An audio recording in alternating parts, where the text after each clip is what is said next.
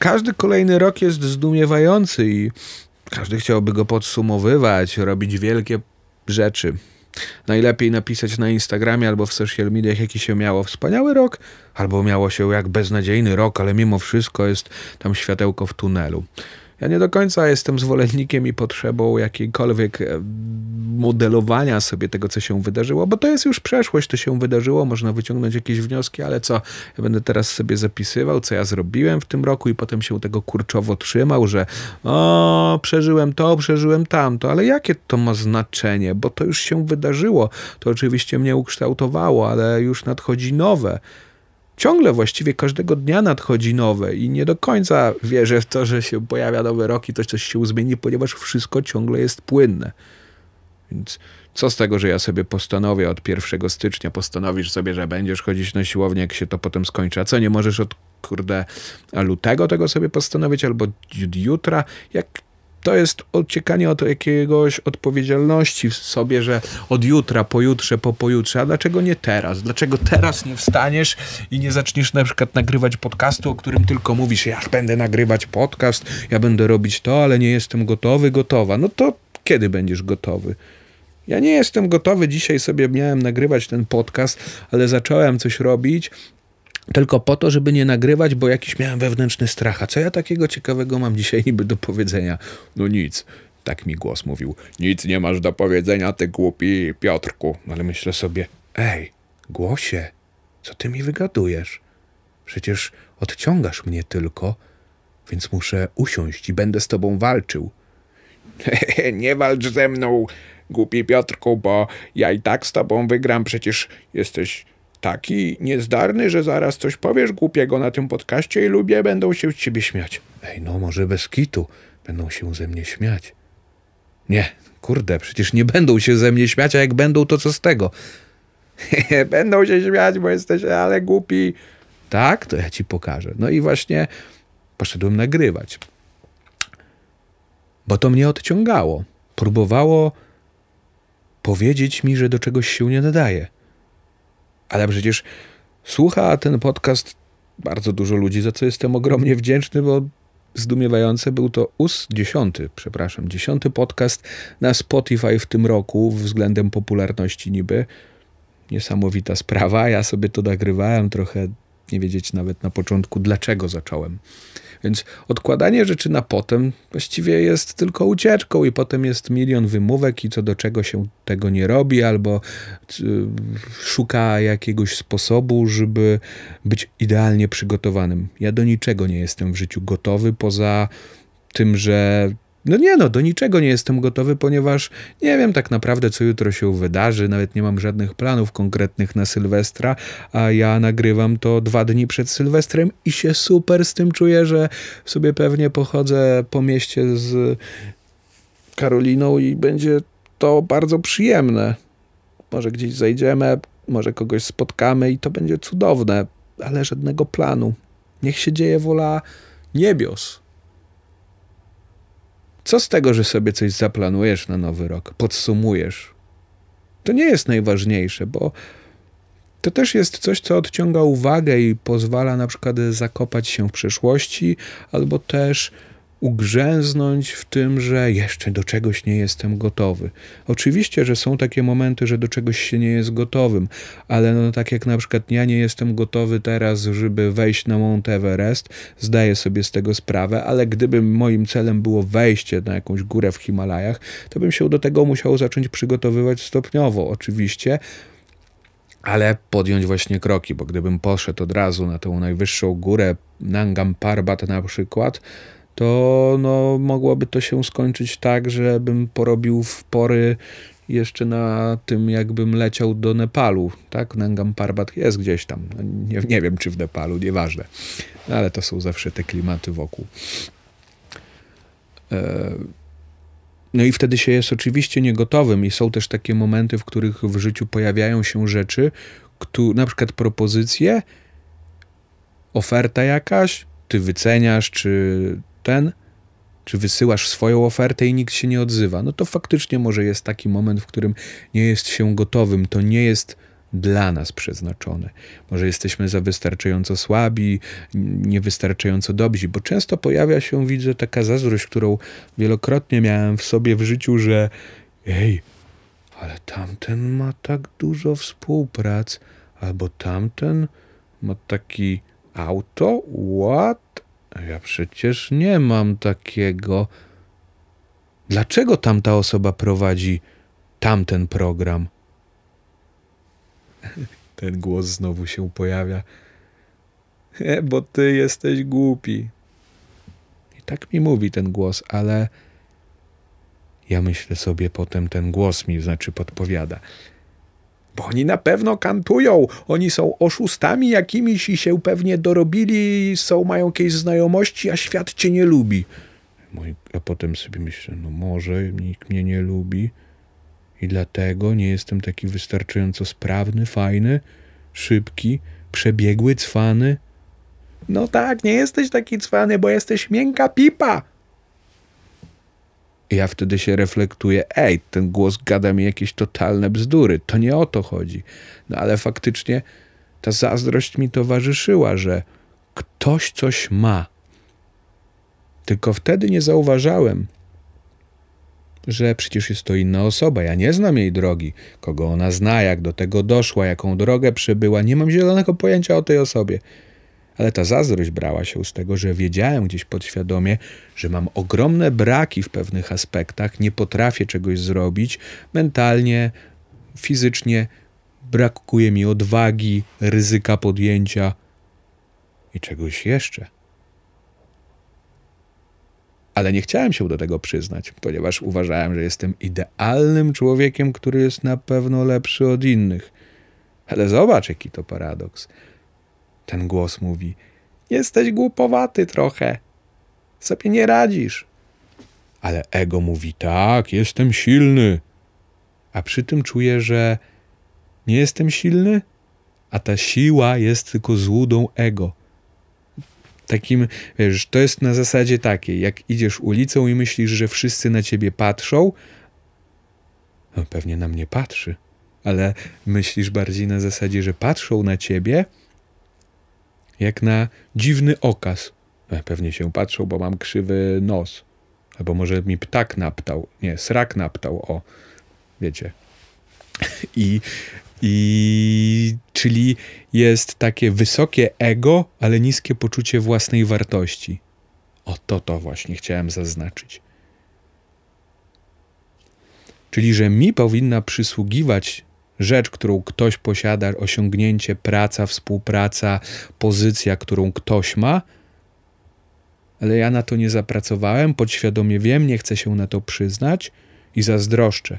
Czyli wysyłam toksynę z siebie, ona tak leci. Wiecie, sobie tak wypływa i, i wtedy zaczyna się czuć w sobie jakąś no złość, jakieś złe rzeczy negatywne na tę osobę i nie skupiam się na sobie, tylko na tamtej osobie, której zazdroszczę, zamiast dotrzeć, że ej, a może ona na to zasłużyła, gratuluję, fajnie, dobrze, nie wiem przecież skąd ona to ma, jaką drogę przebyła, niech spojrzę na siebie. Może ja po prostu nie jestem na to gotowy? Może nie jestem gotowy na tą współpracę, na ten projekt, na tę pracę, bo za mało potrafię i ktoś to widzi, ktoś to dostrzega, inni, którzy na tym się lepiej znają, mi się tylko wydaje, że jestem taki wspaniały, no i mnie nie dostrzegają, no jak to? Czasami trzeba czasu, żeby do czegoś doszło. Doskonale zdaję sobie sprawę, że gdyby teraz na przykład pojawiła się taka dla mnie popularność, żebym był najsławniejszym człowiekiem nawet w kraju albo w powiecie, to bym nie potrafił sobie z tym poradzić i może bym e, mi tak zwane e, odjebało, nie?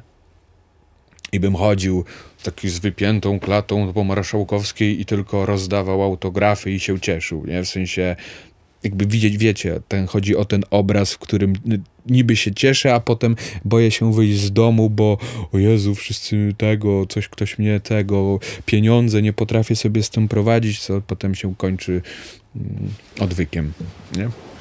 Taka piękna historia, w której skończy się wszystko niepięknie. Znamy takie historie z show biznesu, ale i nie tylko. Pewnie każdy wokół mógł dość zauważyć takie osoby, które sobie z czymś nie poradziły, co na nich pozornie dużego zeszło. Bo nie jest się na pewne rzeczy czasami gotowym i to się też nie pojawia w naszym życiu i to jest ok. Ciężko, żeby w wieku na przykład 20 lat mieć tyle, co ma 30-latek, czy 40 czy 50-latek umiejętności, doświadczenia, pieniędzy czy kontaktów bo ktoś na to pracował wiele, wiele lat i zdobył pewne bazy. Zobaczmy, jak wchodzisz pod górę, jak się właśnie wracamy na ten Nangam Parbat, na które chciałem się wspinać, ale mi nie wyszło. Znaczy, tak, no co o tym na początku mówiłem. I jakby się wchodziło na górę taką, wysoką, bardzo ośmiotysięcznik, to się buduje bazy. No, żeby jak coś nie wyjdzie, mieć do czego wrócić niż wracać znowu do podnóża góry i będąc już, nie wiem, na 7000 kilometrów wysokości, wracać tam na sam dół i każdego dnia od nowa atakować. Wtedy nie dałoby się wejść nigdy. I po to buduje się bazy, żeby mieć się do czego cofnąć. Przynajmniej ja tak to rozumiem. Że, żeby mieć na czym się zatrzymać. No i przez całe życie się buduje takie bazy, żeby mieć do czego wrócić, jeżeli coś nie wyjdzie, jeżeli trzeba się cofnąć, odpocząć, wrócić, ułożyć rzeczy na nowo, przygotować nowy plan, bo takie rzeczy w życiu się też zdarzają, że trzeba coś przewartościować, trzeba coś posprzątać po sobie, żeby stworzyć miejsce na coś nowego.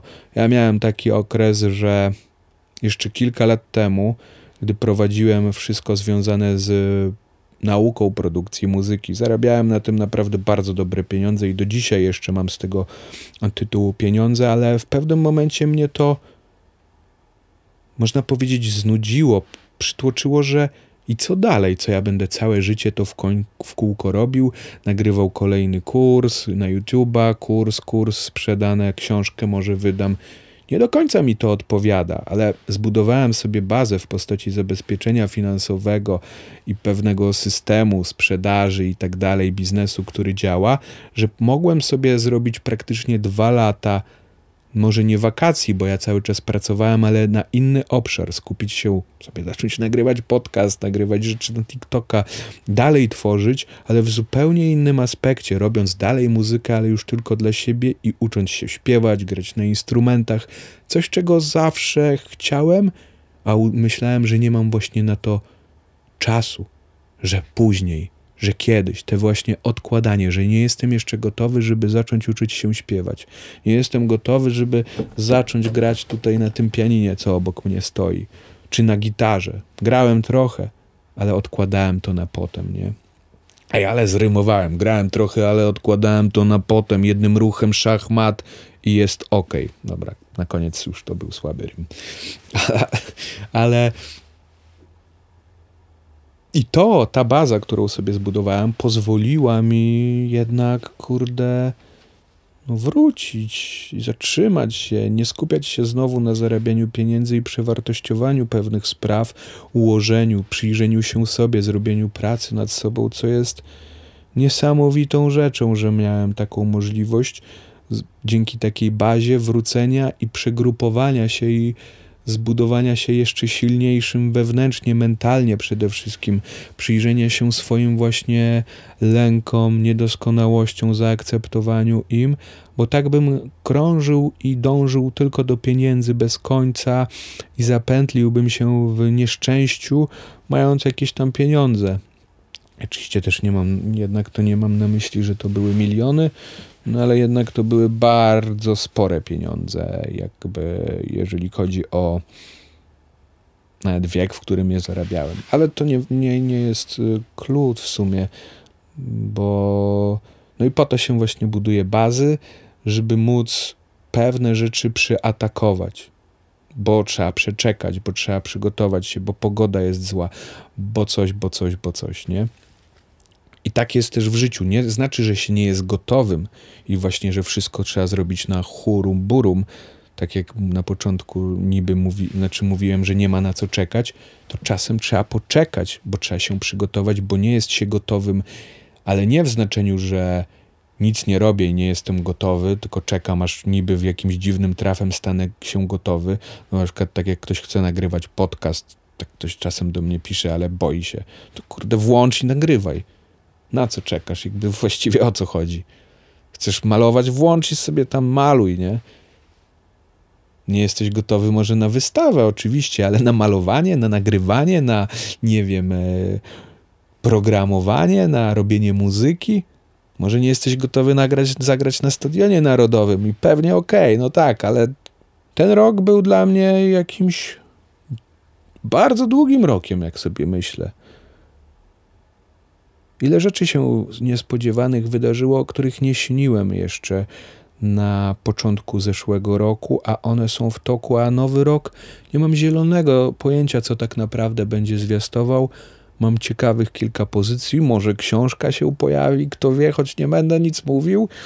Może jakieś różne inne szalone projekty, które krystalizują się,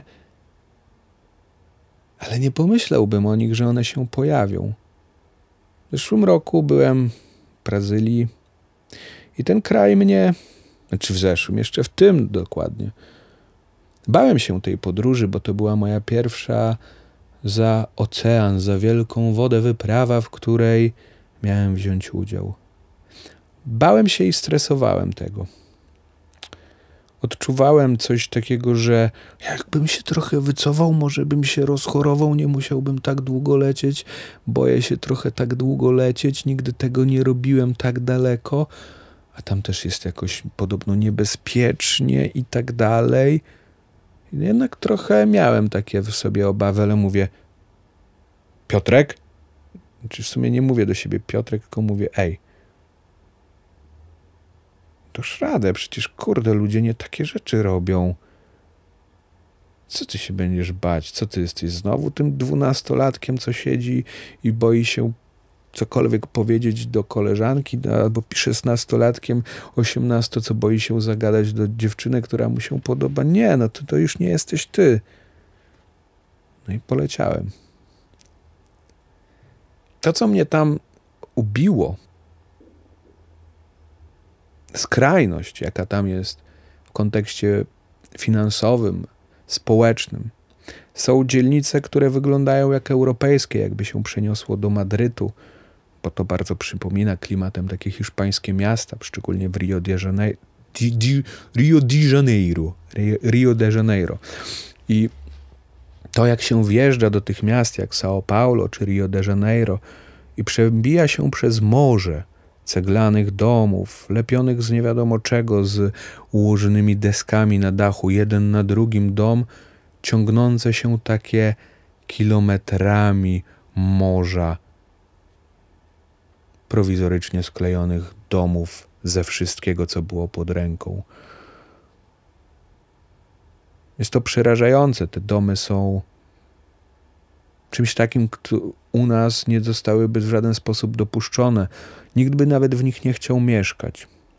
Ale nie ma tam ulic, jest jakieś klepisko i przejeżdża się przez ten gąszcz środkiem autostradą i po lewej, po prawej stronie ciągnie się to aż po horyzont. I widzisz, jak tam ludzie przemykają, żyją swoim życiem, dojeżdżają do pracy i funkcjonują. A gdy dojeżdżasz już na przykład na Copacabana czy na Ipanemę w Rio de Janeiro, na takie dzielnice turystyczno czy, czy, czy po prostu bogate, to jest przenosisz się do Europy, do zupełnie innego świata. Czy na ulicach São Paulo. Pamiętam, jechaliśmy, to był też w karnawale i poszliśmy sobie do jakiejś katedry, nie wiem, idziemy, z dzielnicy takiej chińskiej, zjedliśmy obiad, jeżdżą, już jesteśmy przy kościele, przy takim jakimś dużym, popularnym, ważnym dla tego miasta placu. Jeżdżą takie dzieciaki, na oko 7, góra 10 lat, na rowerach, kręcą się wokół nas. No my jako biali, skrajnie biali jednak w przypadku Brazylii, bo z Europy, od razu rzucamy się w oczy – ale patrzę na te dzieciaki, siedmiolatek, całe ręce wydziabane jakimiś dziwnymi tatuażami, kolejny patrzę ma na szyi. Oni mieli maksymalnie 10 lat, jeżdżą na tych rowerach wokół nas. Zaczyna się dzieć niebezpiecznie. Znaczy w znaczeniu takim, że jest to dziwne. Schowaliśmy się do kościoła. Oni jeszcze tam krążyli, no i w końcu pojechali, ale potem widziałem na własne oczy, jak 5 metrów od policji ktoś wyszarpał komuś portfel czy tam torebkę. Policjanci nawet za nim nie biegli, a tak trzy kroki udali, że coś. Potem e, to wyglądało tak, tam był karnawał, ludzie szli, szły bardzo dużo ludzi, le leci muzyka, tak naprawdę jest pięciu policjantów do ochrony, a wokół jest bardzo dziwnie, ćpuńsko. Jest bardzo tak... Jest to taki przerażający widok i dosyć smutno, gorzki, bo nie wiadomo jak się w tym odnaleźć. I rysuje to we mnie wiele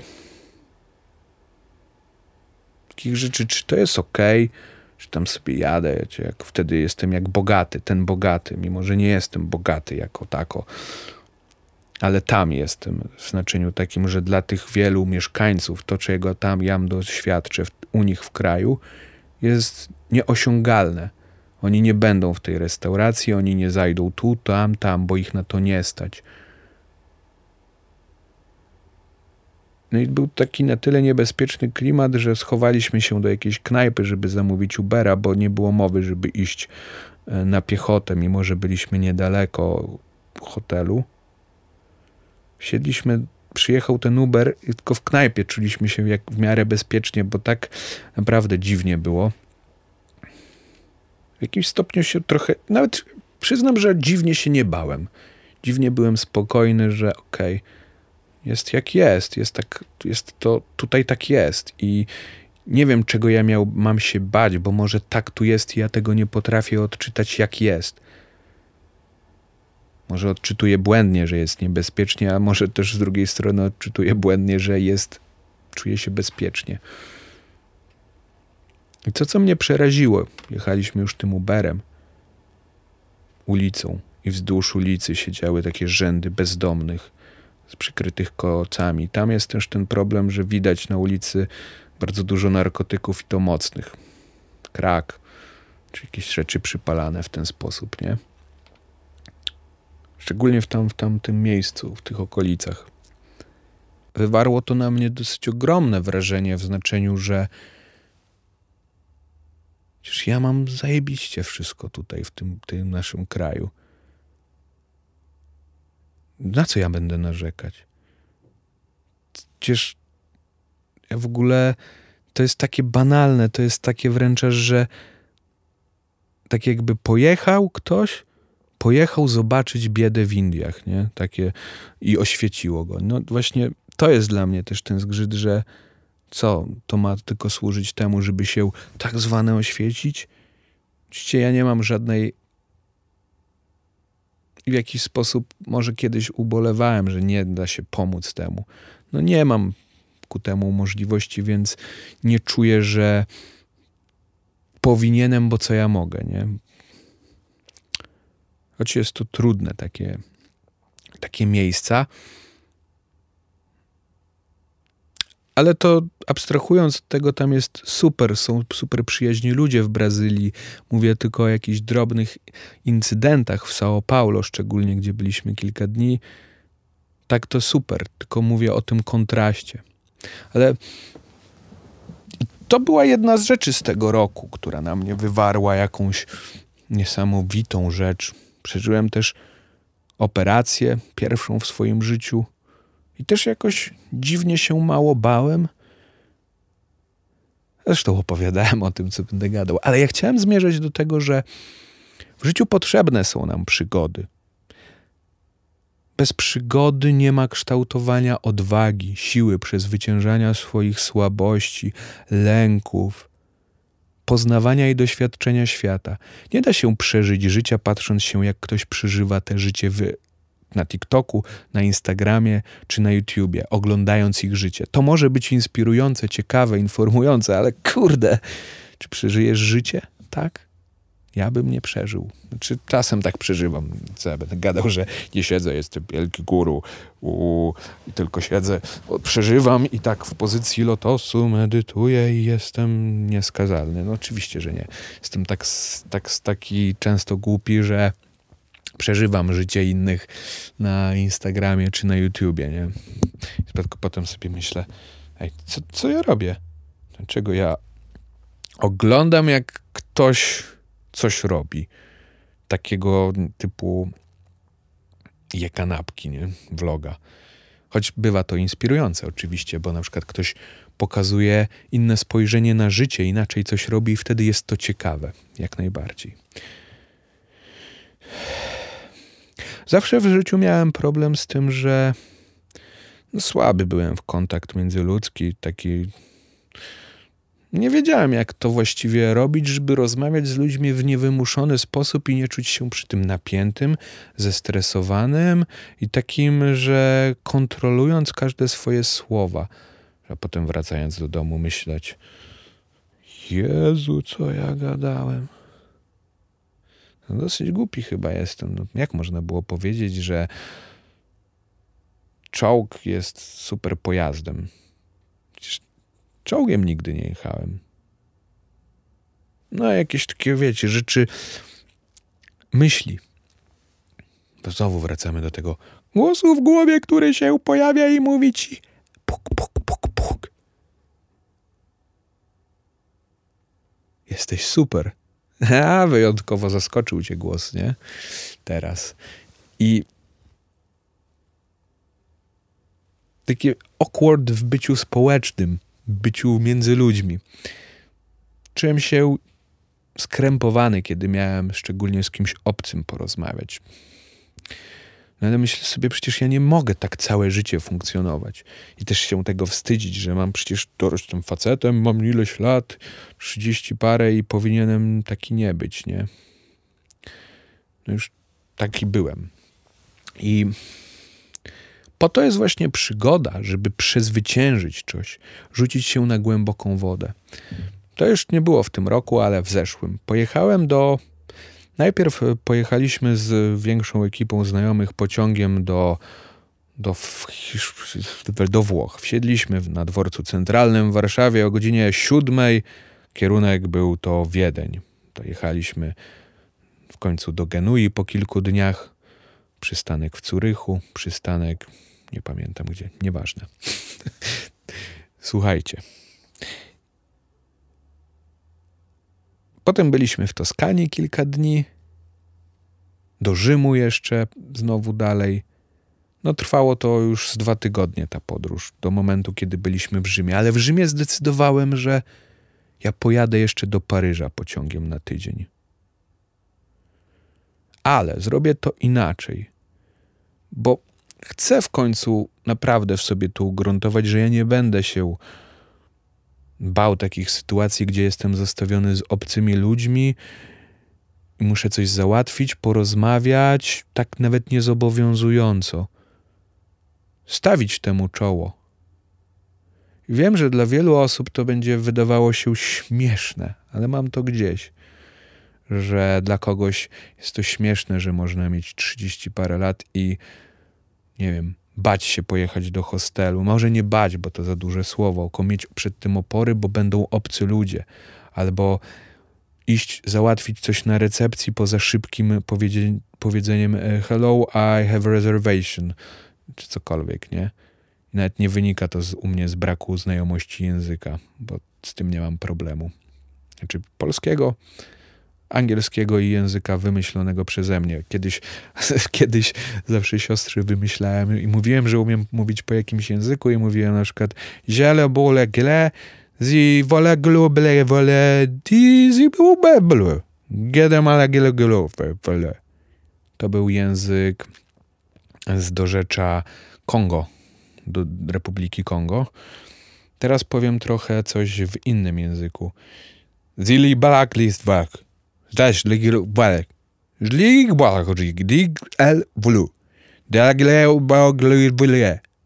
Tak się mówi na Wyspach Owczych. I tak głośnie e, mówiłem siostrze, także z językami nie mam problemu. Więc w tym Rzymie zabukowałem sobie hostel w Paryżu. Nigdy w życiu nie byłem sam w hostelu, w takim, w którym się śpi w pokojach z różnymi ludźmi innymi. Przerażało mnie to w jakiś sposób że jacyś obcy ktoś będzie chciał, a jak ktoś będzie chciał ze mną gadać, ja nie za bardzo wiem, co mam mówić i trochę mnie to peszy i nie chcę wyjść na głupka albo siedzieć tak w ciszy gdzieś w kącie, czy tak przymykać tylko i czuć się niezręcznie i przez to po prostu nie chcieć tam wracać i tylko przymykać. Więc zawsze brałem hotele i tak dalej. Ale myślę, nie, no muszę przecież stawić temu czoło. W dosyć przygodowy sposób to zrobiłem sobie w Paryżu. Jechałem pociągiem z Medio, przez, z Rzymu przez Mediolan mm, do Paryża. I już w pociągu z Mediolanu do Paryża był on zapchany. Wiecie, pełno miejsc, ciągle ktoś wsiada, wysiada. Chociaż nie wiem, czy były był dopiero w Lyonie chyba przystanek. To dobra, nikt nie wsiadał i nikt nie wysiadał. Zamykam temat. Tylko usiadłem na swoim miejscu i przede mną siedział koleś młodszy ode mnie. Jak się potem okazało z rozmowy, Włoch i Francuz. Nie wiem, jak oni się dogadywali, bo Włoch mówił po włosku, trochę po angielsku, Francuz po francusku, trochę po angielsku. Jakoś oni sobie całą drogę ze sobą gadali. Nie wiem w jaki sposób, bo mówili w większości w swoich językach. Nie wiem, trochę po angielsku. No ale też chwilę do mnie zagadali. Nie wiem, myśleli, że jestem ingleso. W sensie, że jestem. E, że jestem z Wielkiej Brytanii. Nawet ich nie wyprowadzałem z błędu, bo to w sumie nie miało żadnego znaczenia. I po prostu chwilę z nimi rozmawiałem. Tak o jakichś pierdołach tak naprawdę, co ja, po co, gdzie ja jadę, co tam, co tam. Dla mnie to było przełamanie, to byli jacyś starsi faceci, bo ja się z reguły nie odnajdywałem kiedyś w takich sytuacjach. Raczej bym zbył ich, albo jakby nawet była taka sytuacja, że jest dużo ludzi, to czasami pamiętam kiedyś w pociągu wolałem, ok, to ja sobie stanę na korytarzu, gdzieś pójdę, żeby nie być w ludziach, bo będzie jeszcze ktoś mnie zagada i ja nie będę taki speszony, awkward się dla mnie to wszystko zrobi i ten. Ale dojechałem do tego Paryża, Przyszedłem do hotelu, powiedziałem hello, My name is uh, Peter and I have reservation, you know, eh? Znaczy nie, nie było tak. Ale to powiedzmy, że tak było. No i wsiadłem sobie do hostelu. Pierwszego dnia myślę, uff, tylko ja jestem w tym pokoju, bo to był jakiś tam sześcioosobowy, nie, czteroosobowy pokój. Myślę, uff, ale miałem jeszcze tam tydzień spędzić. Kolejnego dnia budzę się, widzę jakąś walizkę. Trochę mi zabiło w jakimś sensie serce, że okej, okay, to się zaczyna. W sensie, no dobra. No i tak przez ten tydzień przewinęło się parę osób, jakichś yy, osób z Azji głównie, to były osoby z Azji. I na początku, pierwszy dzień, pamiętam jak ktoś był, to czekałem aby się tylko prześliznąć, żeby nie natrafić na tę osobę, która jest jeszcze w pokoju. Czyli szybko do łazienki, cyk, cyk, cyk, cyk, cyk. ale tak e, wyczekując, czy nie ma, nie ma, dobra, to ja teraz mogę, nie? Tak, żeby nie trafić na tę osobę. Ja wiem, że to jest dla wielu osób coś takiego, że nie każdy ma z tym problem. A ja miałem z tym zawsze ogromny problem, żeby odnaleźć się wśród osób, których nie znam, a nawet trudno było mi w osobach, które znam, bo czułem, że ja nie wiem, jak mam się społecznie dobrze zachować. Czy dobrze. Chciałbym zawsze, żeby każdy mnie lubił, przypodobać się, pociągnąć w swoją stronę, żeby nie powiedzieć nic głupego, czyli po prostu nigdy nie być sobą, nigdy autentycznie się nie wyrazić, tylko kontrolować się w jakiś dziwny sposób, żeby przypodobać się innym, ale nie wiadomo na jakiej podstawie i dlaczego i po co. Żeby inni mnie lubili. A potem ten głos w głowie. Nikt cię nie lubi! He, jesteś taki, że nikt cię nie lubi, bo gadasz takie bzdury. I to jeszcze bardziej boli.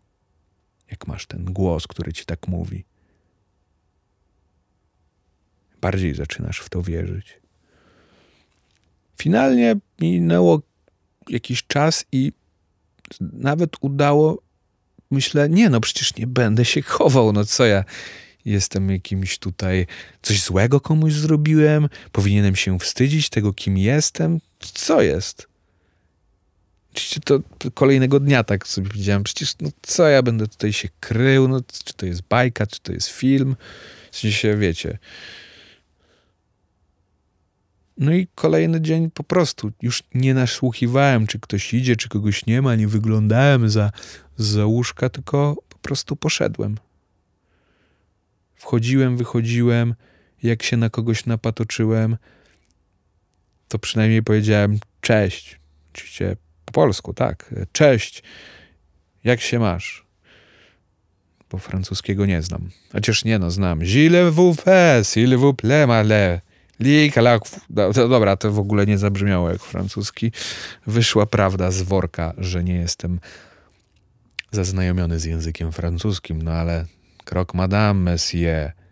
S'il vous plaît. Mam demoiselle. No jednak znam. I jest to rodzaj przełamania. Bo dzięki takiej przygodzie, dzięki stawianiu się w trudnych sytuacjach, które są niekomfortowe, ale ze świadomością i takim, okej, okay, nie no, nie, przecież co jest? Muszę to zrobić, chcę to zrobić dla siebie, dla nikogo innego. Jestem gotowy. Ale pewnego dnia jechałem sobie rowerem gdzieś na bulwarze Saint-Germain. No po prostu zgubiłem portfel. A może ktoś mi ukradł, chociaż nie, no jeździłem rowerem, to chyba nikt mnie z roweru by nie wyciągnął. No ale zgubiłem portfel.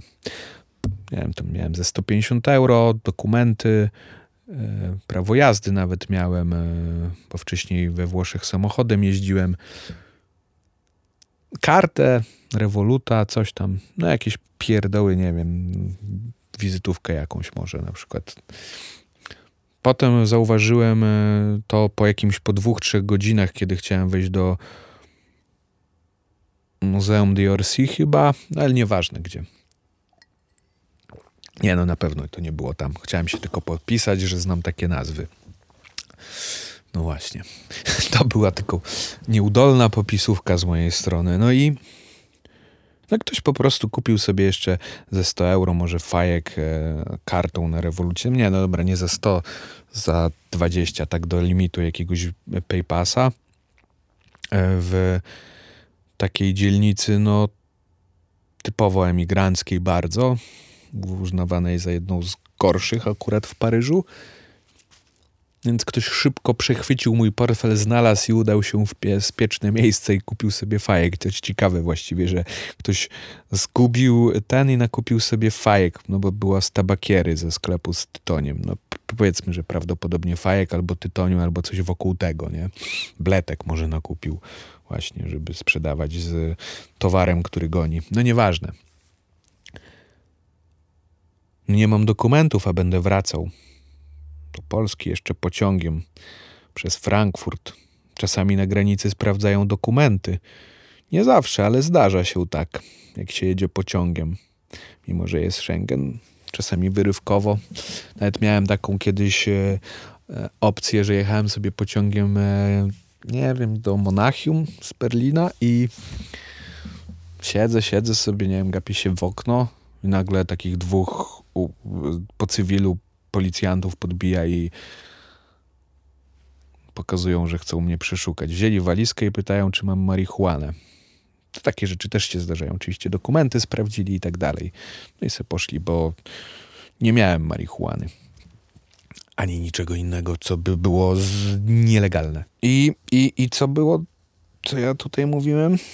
Że coś, czego ja na co dzień się obawiam, właśnie kurde, będę musiał coś załatwić sam i jestem postawiony w takiej sytuacji, że nie ma wyjścia. I myślę sobie, kurde, super w sumie, bo to będzie kolejna rzecz, którą sobie powiem, że tak, ja przecież nie jestem tym, który sobie nie poradzi. I tak jak mi kiedyś w szkole nawmawiali, że ja sobie nie poradzę, jestem nieśmiały.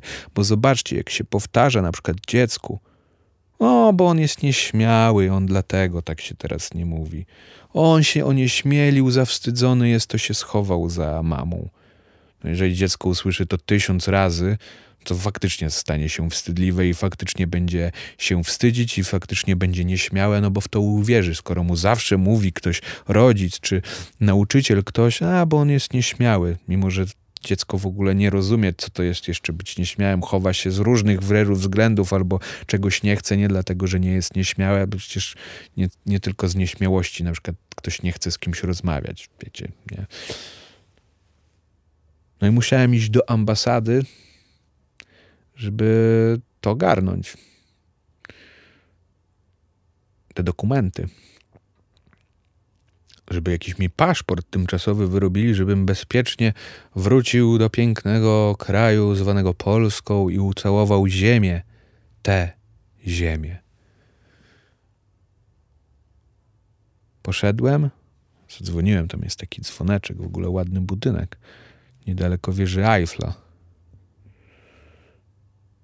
No ale nie dane mi było wejść do środka ambasady, choć mógłbym mówić, że ambasador mnie ugościł i było bardzo przyjemnie. Wypiłem herbatę, zjadłem croissanta i, i, i wypiliśmy francuskie wino. No tak nie było. Ale załóżmy, że tak było. Yy... Przyjął mnie niczym ważną osobistość tak jakbym był w korpusie dyplomatycznym. Usiedliśmy przy takim długim stole, tak jak czasami widać, jak politycy siedzą na jednym krańcu, siedzi jeden na drugim, a pomiędzy innymi bez kresa, tundra, tajga, tak długi jest ten stół i my tak siedzieliśmy i ja mówię do niego. Zgubiłem paszport, zgubiłem dokumenty, a jutro mam pociąg do Polski. Chcę wrócić. A on mówi do mnie – o, to zobaczymy, czy coś da się załatwić, bo to nie są takie proste rzeczy. Ja mówię, a wiesz, kim jestem? Nie, nie wiem. No i bardzo dobrze. No i tak wyglądała ta rozmowa. No finalnie nic nie załatwiłem, ale dla mnie to też było coś takiego, wiem, że dla wielu właśnie znowu ludzi śmieszne.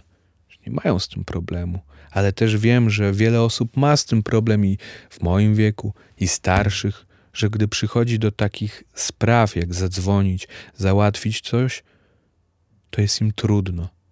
Boją się, myślą, że są nieśmiali i sobie to wmawiają, że nie potrafią. I jest im głupio i cierpią, i potem obwiniają się, że są beznadziejni, nie pasują do tego świata. Sam tak robiłem. A jeżeli no bo też mi piszecie w wiadomościach, że są takie akcje.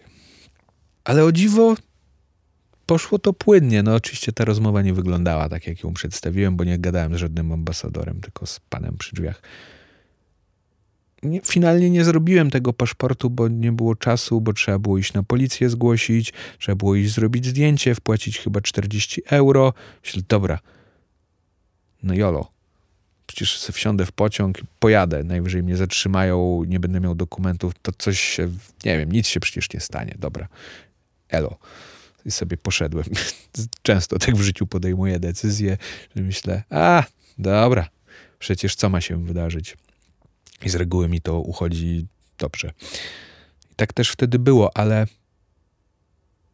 sama ta wizyta w tej ambasadzie, dzwonienie, przychodzenie, jest dla mnie cennym doświadczeniem w znaczeniu konfrontacji w, z ważną sprawą, w której muszę iść i rozmawiać z innymi ludźmi.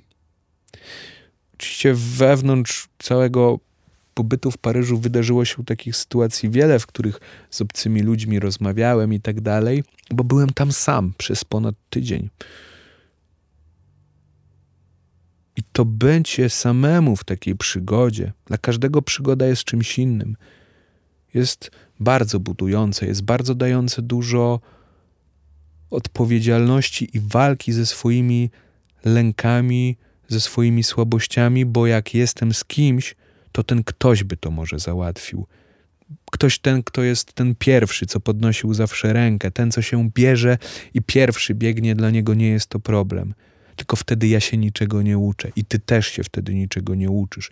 Nie przezwyciężasz swoich słabości, nie możesz, nie masz możliwości wziąć odpowiedzialności za siebie.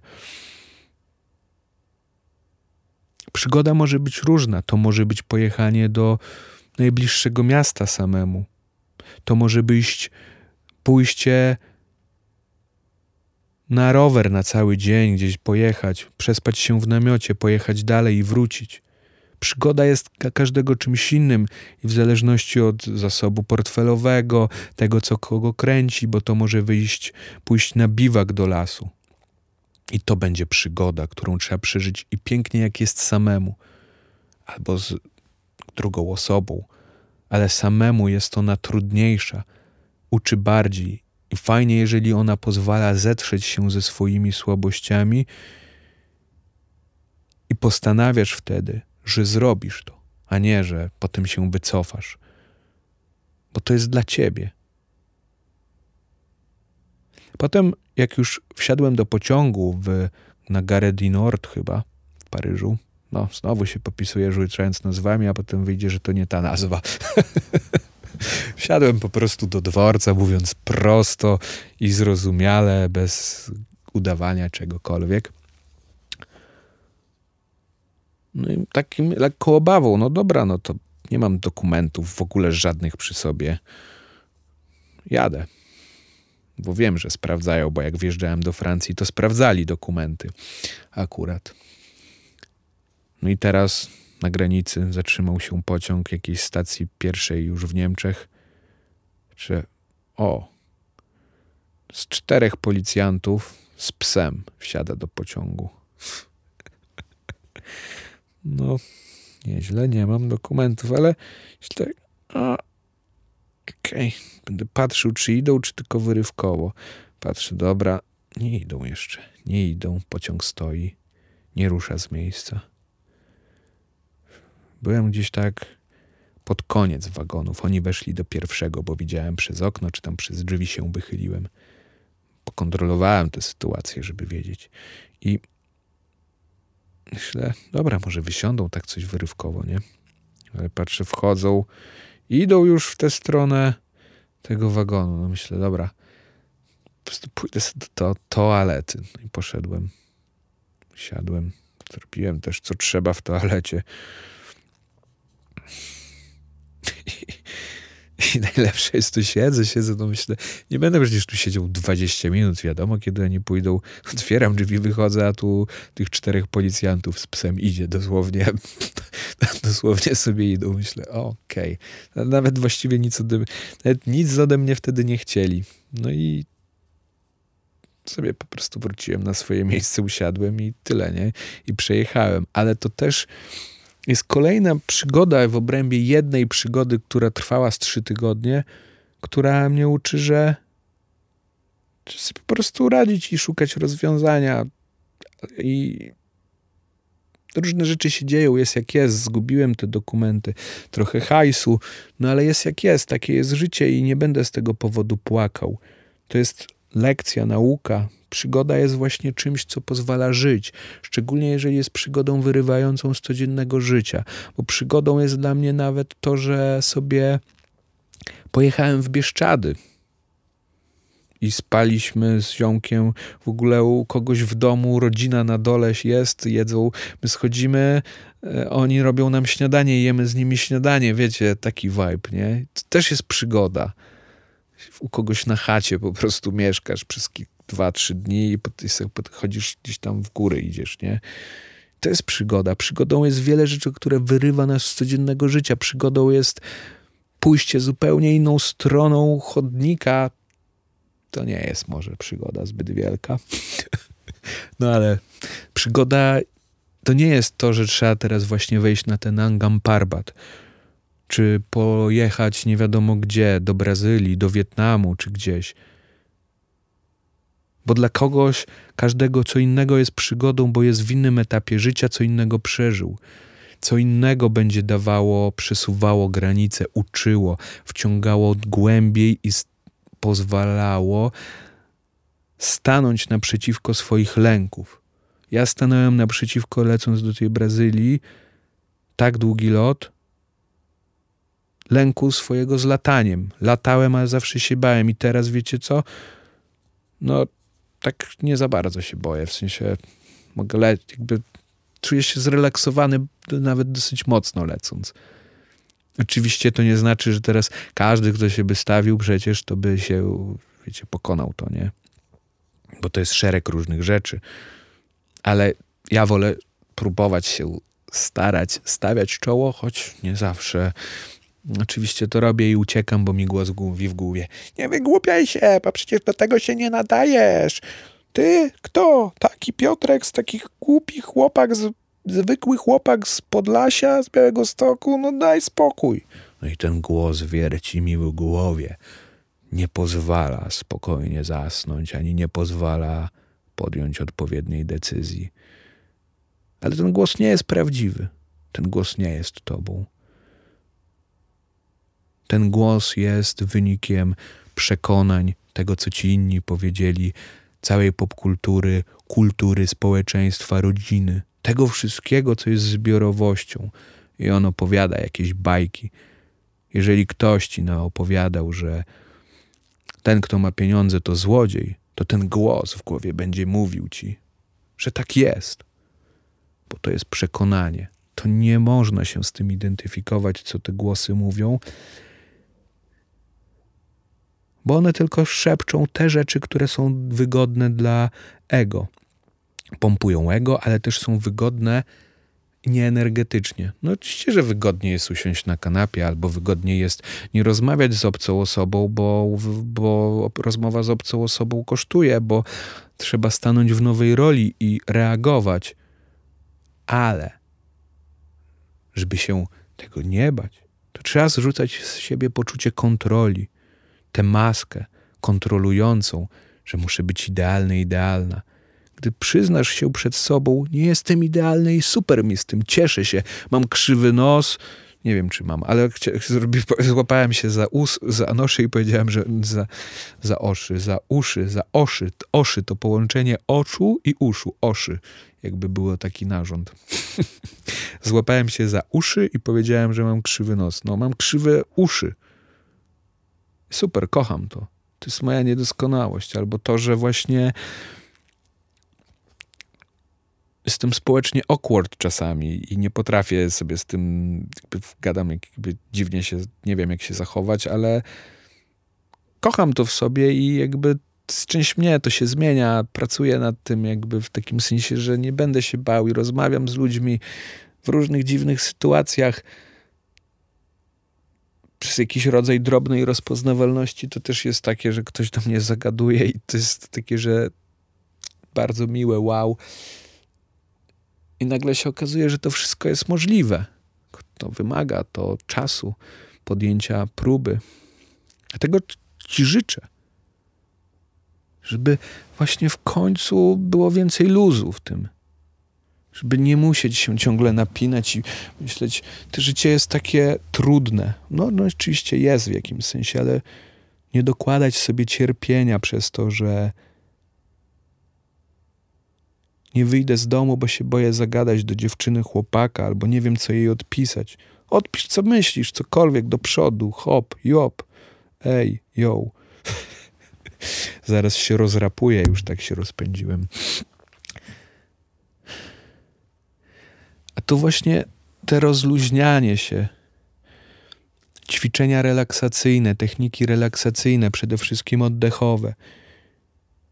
Tylko trzeba to też robić regularnie. To pozwala dać więcej spokoju, uważności w codziennym życiu, dzięki czemu łatwiej jest mieć ogląd sytuacji i zredukować stres przed stresującą sytuacją. Ale o tym wielokrotnie już powtarzałem w podcaście. Skup się teraz na oddechu. Połóż rękę na brzuchu, tak bardziej już wyżej, nad, pod żebrami. Masz? Super. No to teraz obserwuj, jak unosi się i opada brzuch, jak oddychasz.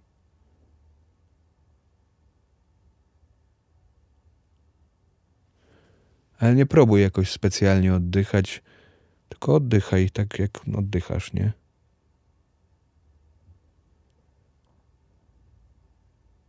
I teraz zwróć uwagę, jak bierzesz wdech, wydech i chcesz zrobić drugi wdech, to pomiędzy wydechem a wdechem jest taka krótka przerwa. Zauważ. Że zanim weźmiesz kolejny wdech, jest taka przerwa. Zwróć na nią uwagę.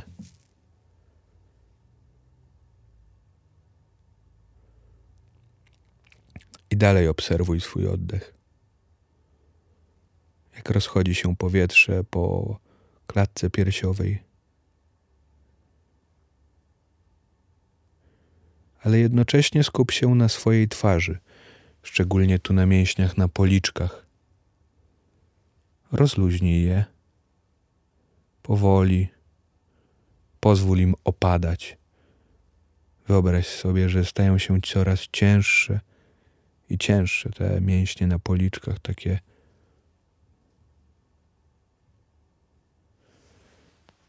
mięśnie tak wokół skroni.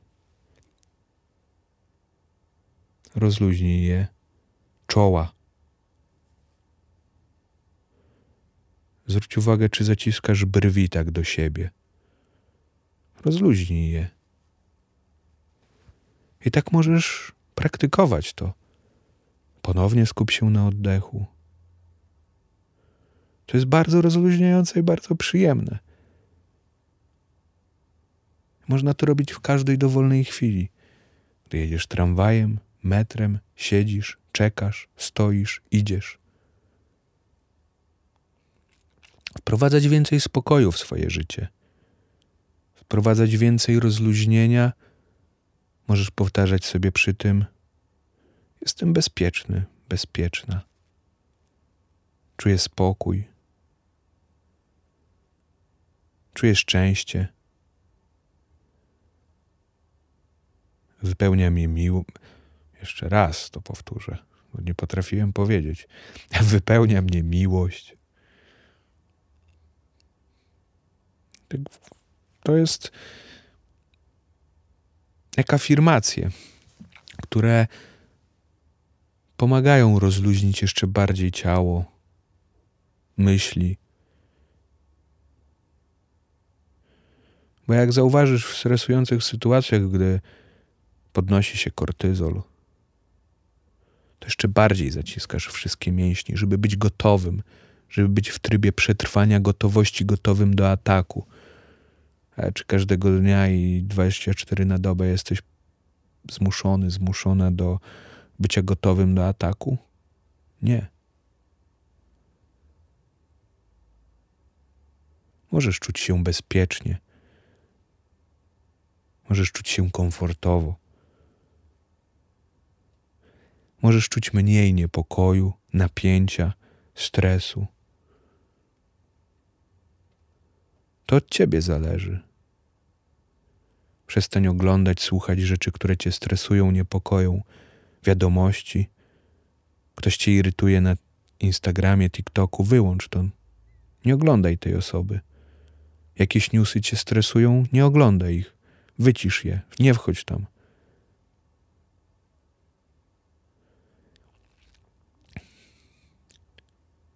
Zamknij oczy i wyobraź sobie, że wieje wiatr, spokojny.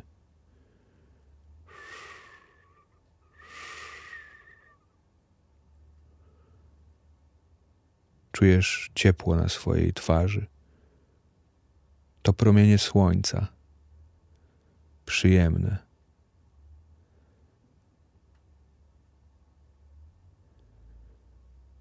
Stajesz na piasku, piasek jest ciepły. Czujesz, jak piasek wchodzi ci pomiędzy palce. To jest przyjemne, rozluźniające. Piasek koi cię. Spoglądasz na fale, na szum oceanu.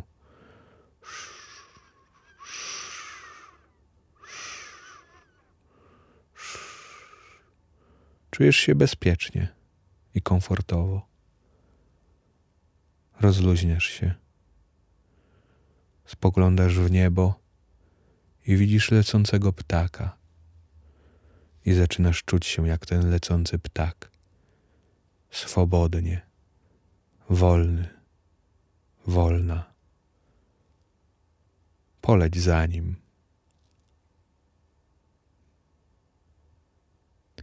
I rozluźnij jeszcze bardziej swoje ciało. Wdech i wydech. I możesz to praktykować właśnie.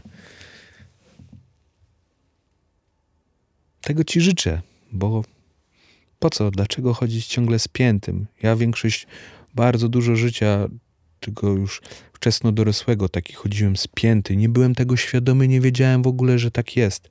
Potem myślę, czemu ja jestem zmęczony, czemu ja jestem zestresowany, czemu mi się nic nie chce, czemu nie mam siły, brakuje mi motywacji. Dlaczego czuję spięcie w żołądku, jakby mnie coś wyżerało od środka? Bo stres jest czymś takim, co wyżera od środka. Czujesz, że cię zjada i połyka. Zjada energię. Wszystko, co dobre. Trzeba go rozładować. Tego Tobie życzę. Chyba się rozgadałem dzisiaj. O Jezu, mam to długi odcinek, ale to jest koniec roku dla niektórych początek. Jeżeli słuchasz tego na koniec roku, to życzę Ci, żeby ten nowy, nadchodzący rok był spokojny i dobry. Tyle, aż tyle. Nic więcej myślę, że nie potrzeba. Spokoju, żeby mieć spokój duszy i ducha, to wszystko łatwiej przychodzi. Trzymaj się i papa i do zobaczenia, usłyszenia. Pa.